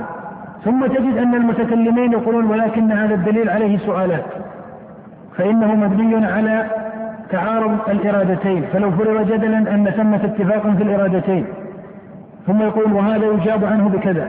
فتجد أنهم إن صح التعبير بالعبارة البسيطة أو العبارة الدارجة عقدوا القضية. مع أنه من يقرأ من المسلمين أو حتى من ليس عربيا ويترجم له المعنى في الآية ويقرأ من كان عربيا ما اتخذ الله من ولد وما كان معه من إله إذا لذهب كل إله بما خلق. يجد أن هذا تقرير هو بسيط من جهة أنه بين. تجد أنه تقرير بين واضح لمسألة إيش؟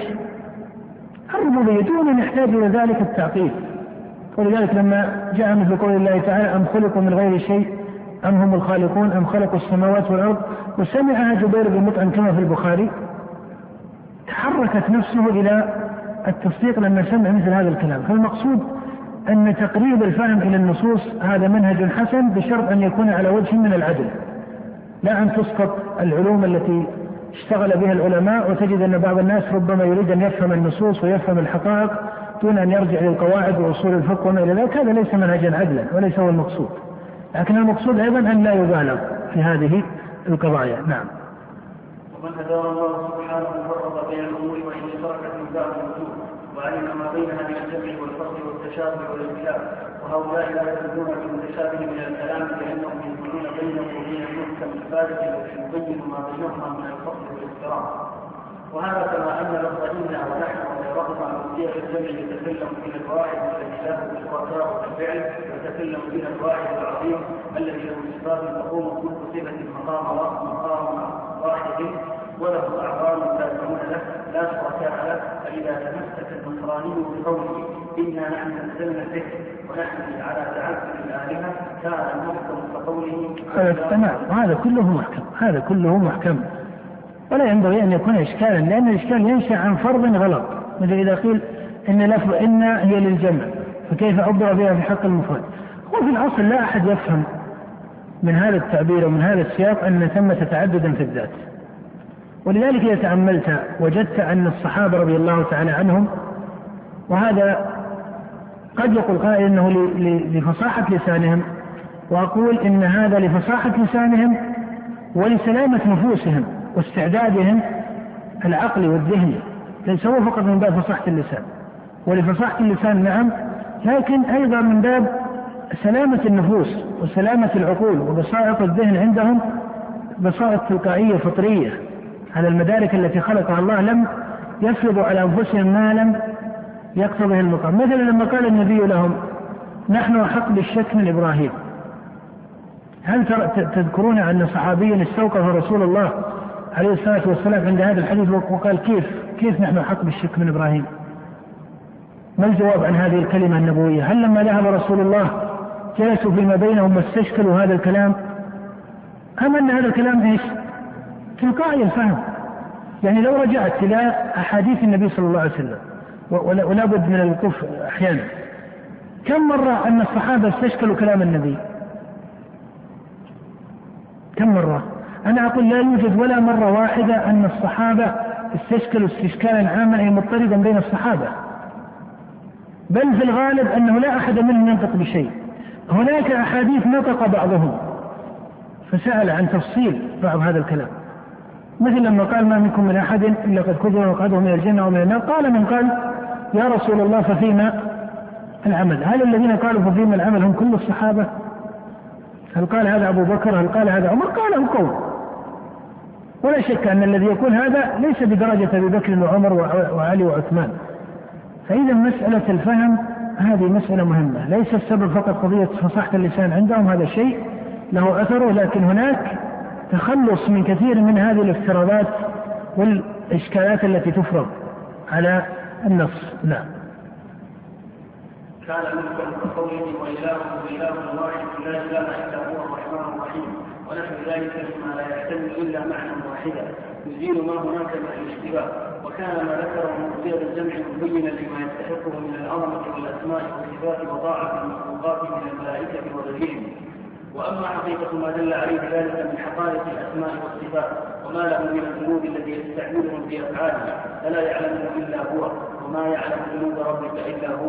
وهذا من تأويل المتشابه الذي لا يعلمه إلا الله. بخلاف الملك من البشر إذا قال قد أمرنا لك بعطاء فقد علم أنه هو وأعوانه مثل كاتبه وحاكمه وخادمه ونحو ذلك أمروا به وقد يعلم ما صدر عنه ذلك الفعل من اعتقاداته وإراداته ونحو ذلك. نعم بخلاف الباري سبحانه وتعالى فإنه لا يحاط به علما ولهذا كان حكمته سبحانه وتعالى في أفعاله وفي شرعه وأمره لعباده وما إلى ذلك ليست معلومة على الإحاطة. وإن كان العباد يعلمون ما هو من مقام هذه الحكمة العالية لكنهم لا يمكن أن يقع لهم إحاطة بهذه الحكمة وتفصيلها.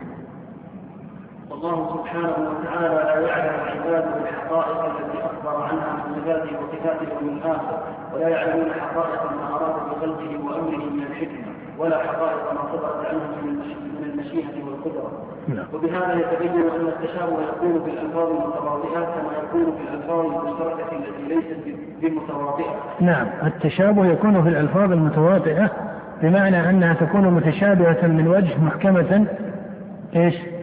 من وجه.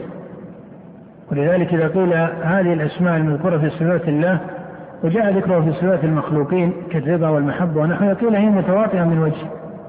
إذا ما قصد بذلك المعنى الذهني الكلي. وتجد أنها متشابهة من وجه آخر إذا ما تكلم بالكيفية التي اختص الله بها في صفاته وأفعاله. نعم. وبهذا يتبين أن التشابه يكون في الألفاظ المتواضعة كما يكون في الألفاظ المشتركة التي ليست بمتواضعة.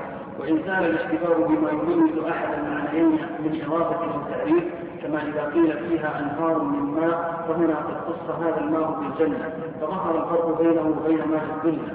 لكن حقيقة من به ذلك الماء غير معلوم. بل قول المصنف بهذا يتبين أن التشابه بل لا بد أن التشابه يقع في المقامين في الألفاظ المتواترة والألفاظ المشتركة وإنما كان كذلك لأنه التشابه الخاص.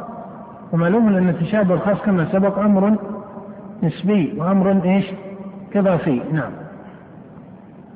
فظهر الفرق بينه وبين ماء الدنيا لكن حقيقة امتاز به من ذلك الماء غير معلوم لنا وهو مع ما أعد الله لعباده الصالحين مما لا عين رأت ولا أذن سمعت ولا خطر على قلب بشر من التأويل الذي لا يعلمه إلا الله.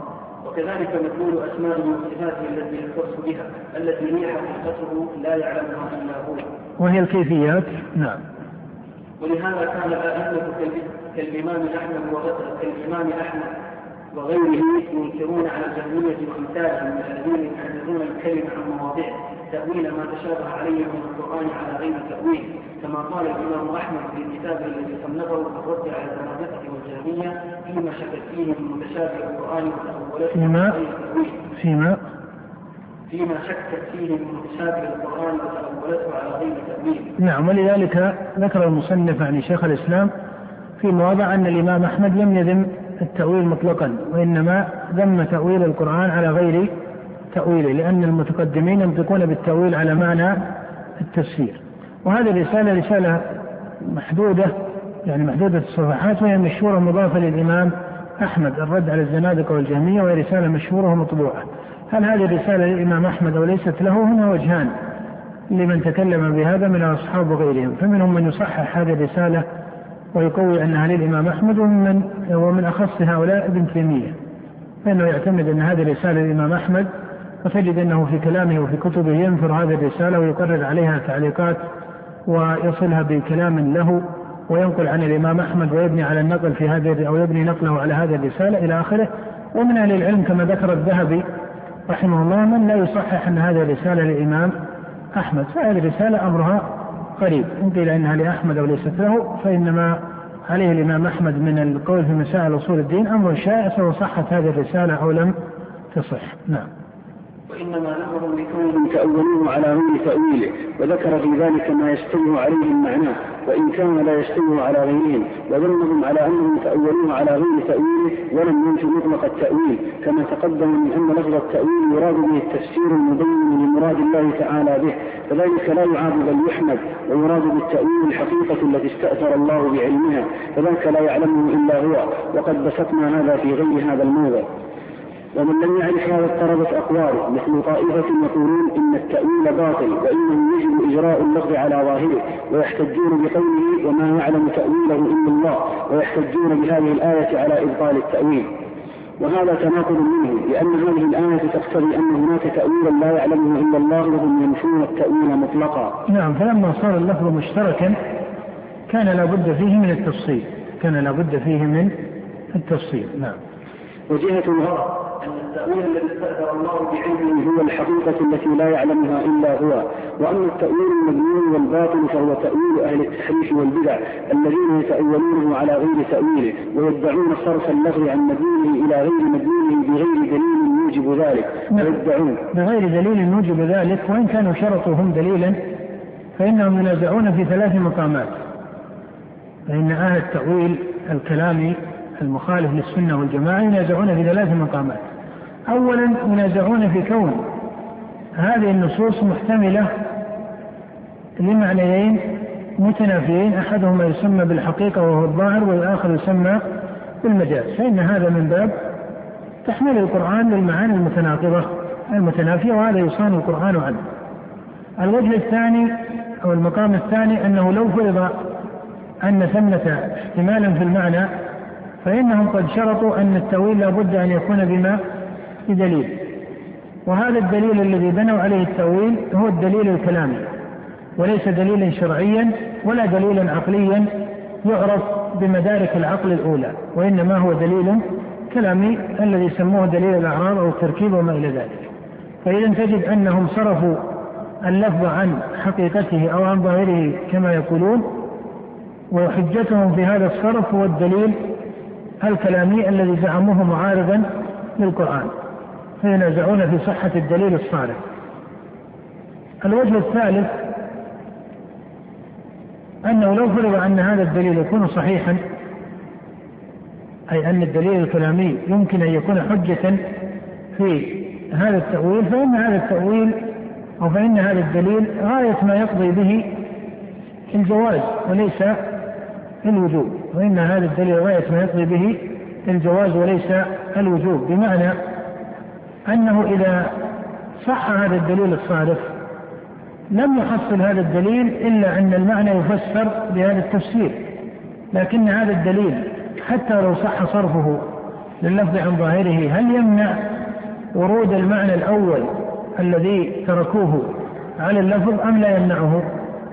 لا يمنعه وهذا يجعل الإشكال باقيا أو ليس باقيا؟ هذا يجعل الإشكال إيش؟ باقيا ووجه بقاء الإشكال أنه تضمن القرآن جملة من المعاني التي لا تليق بالله وحتى لو قالوا إنها لا ليست مرادة فيقال إن مجرد القول بأنها مدلول من مدلول القرآن ثم يقال إنها ليست مرادة يكون هذا من باب إيش؟ التناقض لأن ما كان من مدلول القرآن أي مما يدل عليه القرآن لزم أن يكون ماذا؟ لزم أن يكون مرادا. ما كان من مدلول القرآن لزم أن يكون مرادا. وأما إذا لم يكن مرادا فإنه يمتنع أن يكون من مدلول في القرآن. وإذا كان كذلك صار هذا التقسيم لا وجه له. نعم. ويدعون أن ظاهره من المحذور ما هو نظير المحذور الذي المحذور اللازم فيما أثبتوه بالعقل ويصرفونه إلى معان هي نظير المعاني التي نفوها عنه. فيكون ما نفوه من جنس ما أثبتوه فإن كان الثابت حقا ممكنا كان المنفي مثله وإن كان المنفي باطلا ممتنعا كان الثابت مثله.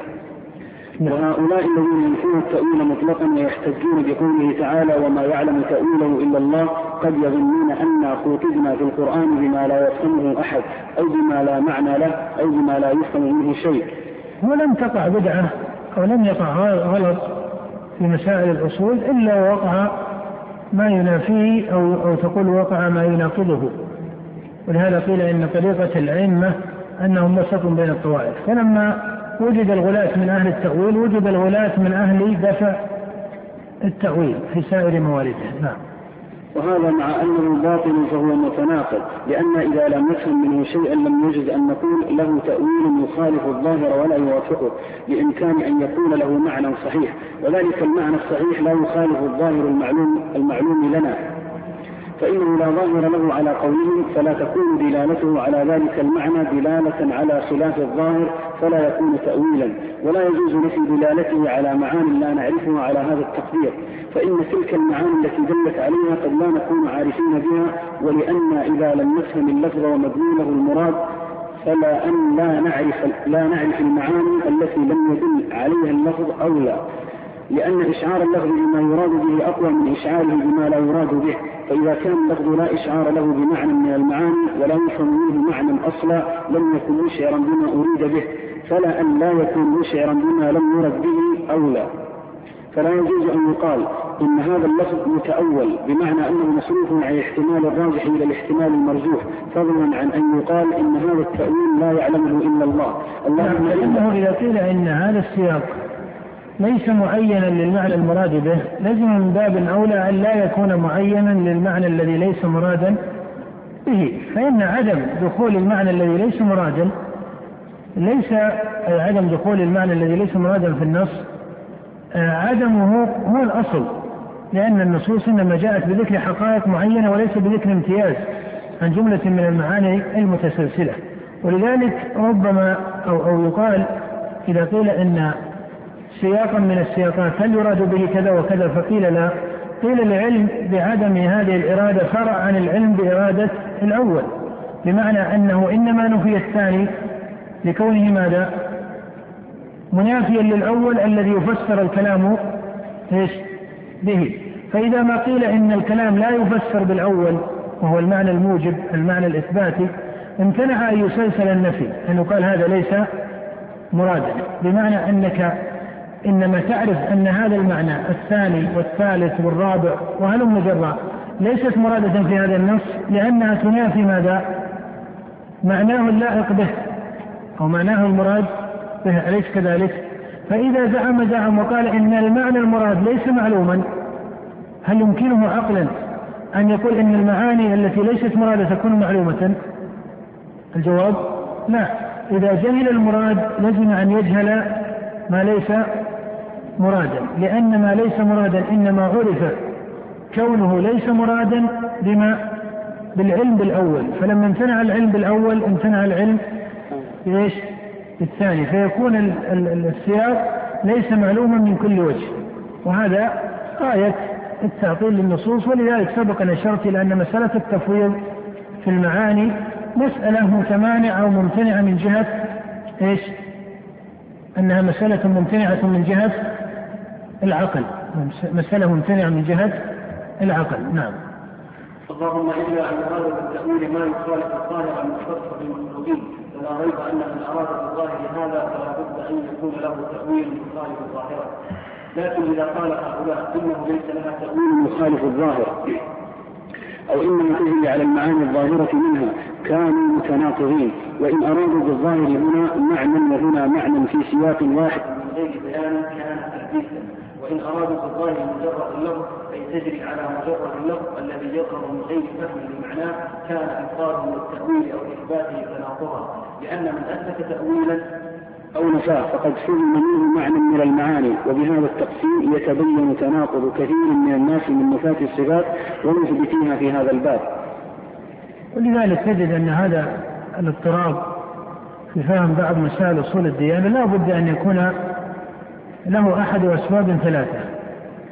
إما أن يكون صاحب هذا الاضطراب قد نقصت إرادته في تحصيل الحق وإما أن يكون نقص اجتهاده وإما أن يكون استعمل وجها ليس مشروعا في تحصيل الحق